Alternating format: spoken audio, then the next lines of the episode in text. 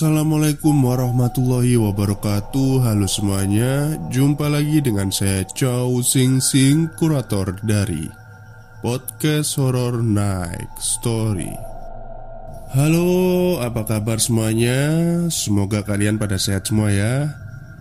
Dan seperti biasanya pada malam hari ini Saya kembali dan akan membawakan sebuah kisah mistis Untuk kalian semua Kisah mistis kali ini datang dari Mas Yono yang mengalami gangguan mistis saat melakukan perjalanan ke Gunung Arjuno, tentunya bersama kawan-kawannya.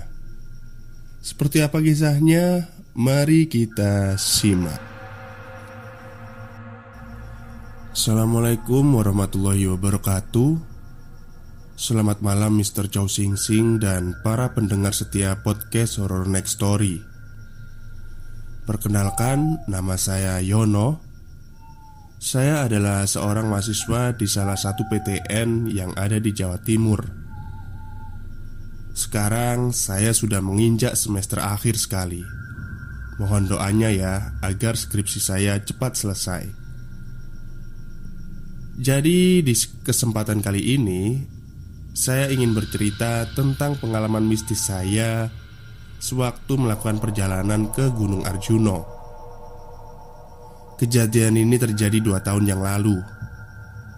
Saat itu jam 12 malam Saya sedang tidur-tiduran di kos Tiba-tiba HP saya berdering Dan ternyata itu adalah telepon dari teman saya Aldi Halo, kataku sambil bermalas-malasan Eh, halo Yon lagi sibuk nggak? Balas Aldi. Enggak, ada apa Al? Jawabku. Jumat ikut yuk. Mendaki ke Gunung Arjuno.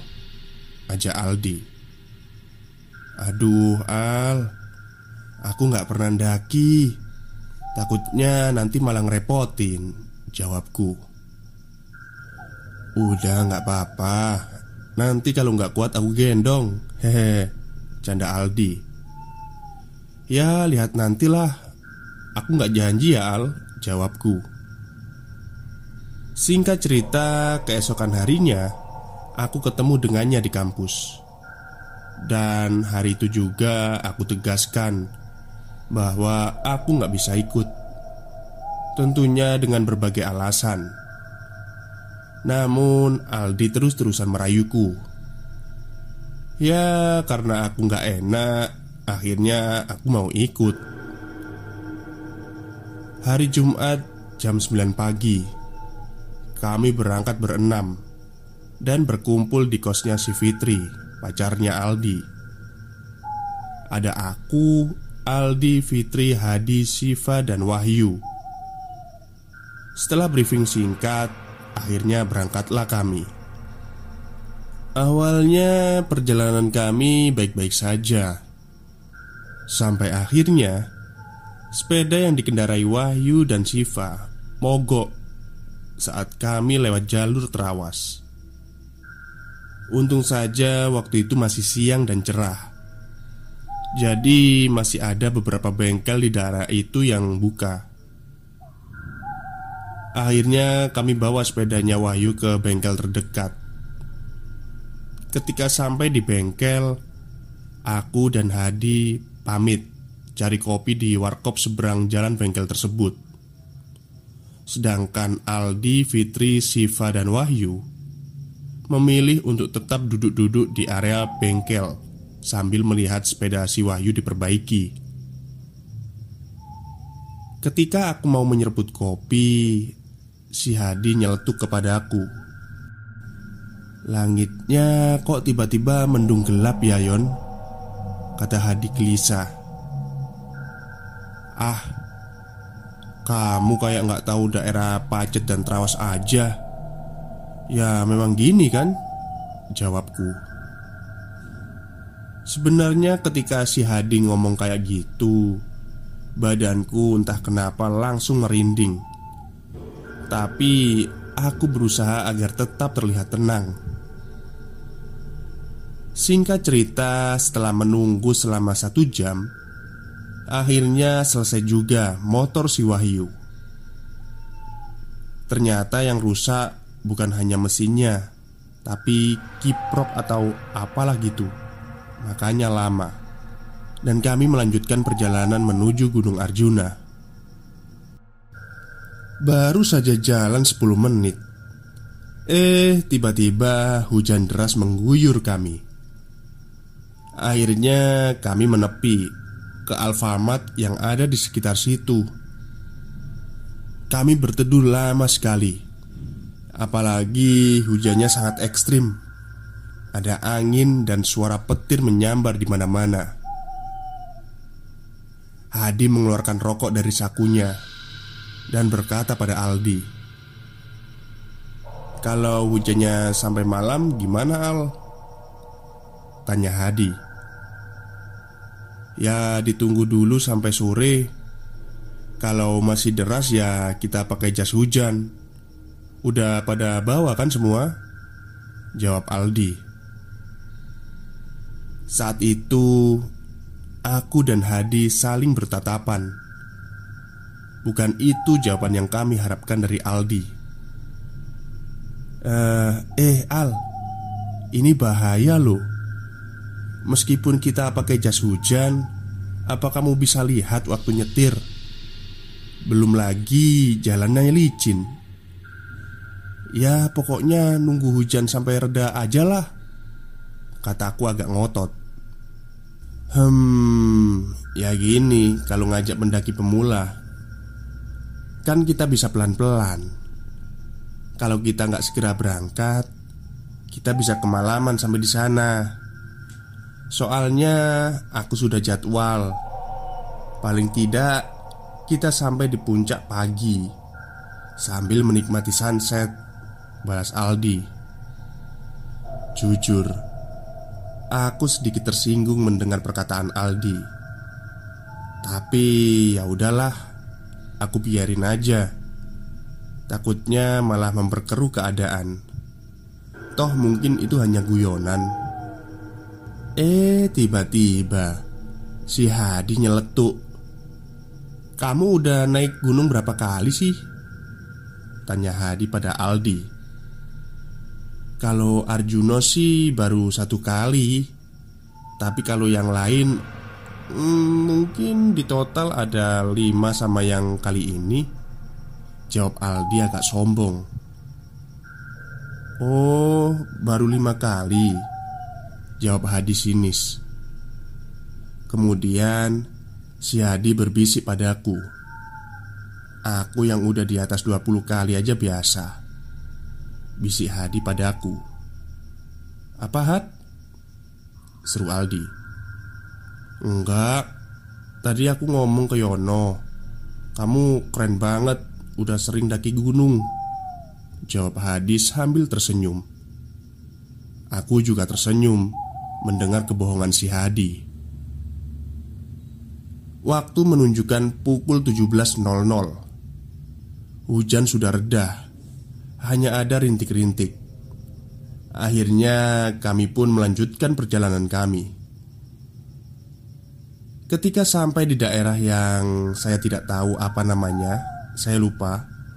Sekitar jam 20.00 Tiba-tiba hujan kembali datang, dan akhirnya kami memutuskan untuk kembali berteduh. Saat itu, jalanan sangat sepi, dan dari kejauhan aku lihat ada cahaya lampu. Ternyata itu adalah pom bensin. Eh, kita neduh di sana aja ya, teriak Hadi sambil menunjuk pom bensin tersebut. Akhirnya sampailah kami di sana. Pom bensin ini cukup luas, tapi sepertinya sudah tidak terpakai. Banyak sekali truk-truk yang diparkir di sana. Mungkin tempat ini sekarang sudah jadi tempat penitipan truk. Kami masuk dan beristirahat di musola pom tersebut. Meskipun pom itu sudah tidak beroperasi, Ternyata musola yang ada di pom tersebut terlihat bersih dan terawat. Ya, mungkin saja ada orang sekitar sini yang mengurusnya. Kemudian kami semua meletakkan barang bawaan kami untuk dijadikan satu. Lalu Aldi ngomong ke kami, "Kayaknya sekalian kita istirahat dulu aja deh. Kita bisa berangkat lagi jam 12-an lah." Kata Aldi sambil melirik pacarnya si Fitri. "Eh, tidurnya gantian ya. Biar ada yang jaga." Sambung Aldi. Jadi yang pertama jaga siapa nih? Tanya Wahyu Karena semua terlihat lelah Aku menawarkan diri Untuk berjaga yang pertama Aku sadar diri Karena dari tadi Yang nyetir sepeda itu si Hadi. Singkat cerita Tidurlah mereka semua.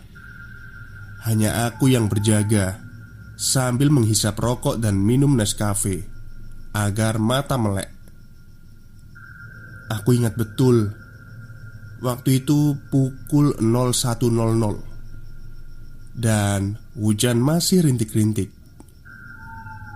Tiba-tiba Aku mendengar Ada suara desahan perempuan Yang Aku sendiri tidak tahu dari mana asalnya.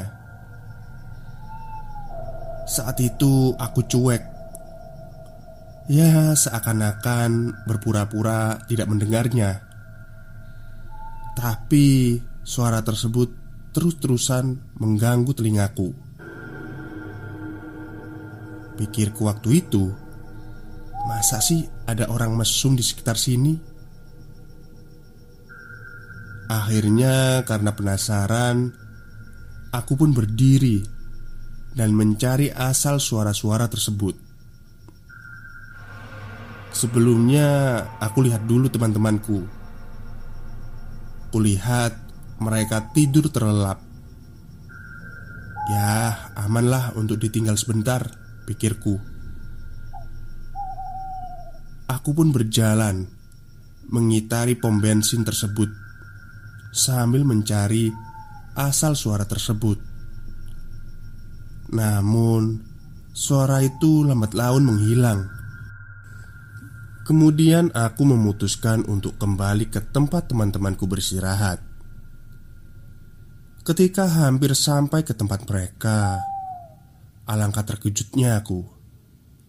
Dari kejauhan sekitar 9 meteran, aku melihat teman-temanku dikelilingi oleh tiga makhluk yang lumayan besar hitam dan berbulu. Aku yakin betul itu adalah genderuwo. Aku pun berjalan menuju teman-temanku pelan-pelan. Tapi kakiku serasa ada yang menahan dan tak mau bergerak. Aku tak habis akal. Aku berteriak sekencang mungkin. Akan tetapi suaraku seperti tidak terdengar oleh teman-temanku Saat itu Aku melihat Salah satu makhluk itu mendekati si Fitri Dan mohon maaf Meraba-raba tubuh si Fitri Aku hanya bisa pasrah Dan membaca surat-surat pendek yang kuhafal Dan yang paling menakutkan lagi, salah satu dari mereka melihatku dan mendatangiku. Entah apa yang terjadi. Tiba-tiba suara petir menggelegar dan membangunkan teman-temanku yang sedang tidur. Saat itu juga aku terlepas dari kekakuan yang menyelimuti tubuhku dari tadi. Kamu ngapain di situ Yon? Kata Hadi Sambil mengucek-ngucek kedua matanya Tanpa disuruh Aku pun langsung mendekati mereka Dan mengatakan semua hal yang terjadi Mereka semua hanya bengong Fitri dan Siva terlihat cemas mendengar ceritaku. Kayaknya kita batalin aja deh ke Arjunanya. Mungkin lain kali aja, kata Wahyu. Tenang dulu, tenang dulu. Hal yang dialami Yono itu wajar. Mungkin pom bensin ini ada penunggunya. Tapi nggak sampai ekstrim kan gangguannya? Balas Aldi meyakinkan kami. Kemudian si Fitri yang sedari tadi diam berkata pada kami, "Kayaknya aku bocor deh." Kata Fitri lirih. "Hah? Apanya yang bocor?" Kataku penasaran. "Bocor itu mens. Gimana sih kamu?" Sahut Siva. Aku pun langsung bertanya pada Hadi. Emang pengaruhnya apa kalau si Fitri mens? Kemudian si Hadi menjelaskan Kalau menurut mitos para pendaki Wanita mens itu nggak boleh muncak Takutnya kenapa-napa Kamu bocornya sejak kapan? Tanya Hadi ke Fitri. Barusan pas bangun tidur Jawab Fitri. Hadi pun langsung memberitahuan kepada semuanya. Kalau memang dari awal dirinya mempunyai feeling yang tidak enak terhadap perjalanan ini. Kemudian dia juga menegaskan Jika kalian semua ingin tetap meneruskan perjalanan Silahkan Tapi dirinya tidak ikut Dan akan kembali pulang Dia juga menegaskan perihal mitos dan larangan bagi para pendaki. Waduh, kalau Hadi kembali pulang, ya aku ikut Hadi aja, pikirku. Sebenarnya di antara rombongan, Aldilah orang yang paling kaku dan terlihat tetap ingin mendaki. Tapi akhirnya dia melunak berkat rayuan dari betinanya. Dan hari itu kami memutuskan untuk kembali pulang. Sekian dan terima kasih Mas Chow Sing Sing sudah berkenan membacakan pengalaman mistisku. Baik, terima kasih kepada Mas Yono yang sudah mengirimkan pengalaman mistisnya pada podcast Horror Next Story. Dan malam hari ini saya tidak bisa banyak komentar ya terhadap cerita ini. Dikarenakan badan saya masih lemas Dan masih dalam keadaan sakit. Ya semoga saja saya lekas sembuh ya. Mohon doanya teman-teman Mungkin itu saja yang bisa saya ceritakan pada malam hari ini Semoga Anda semua terhibur Selamat malam dan selamat beristirahat.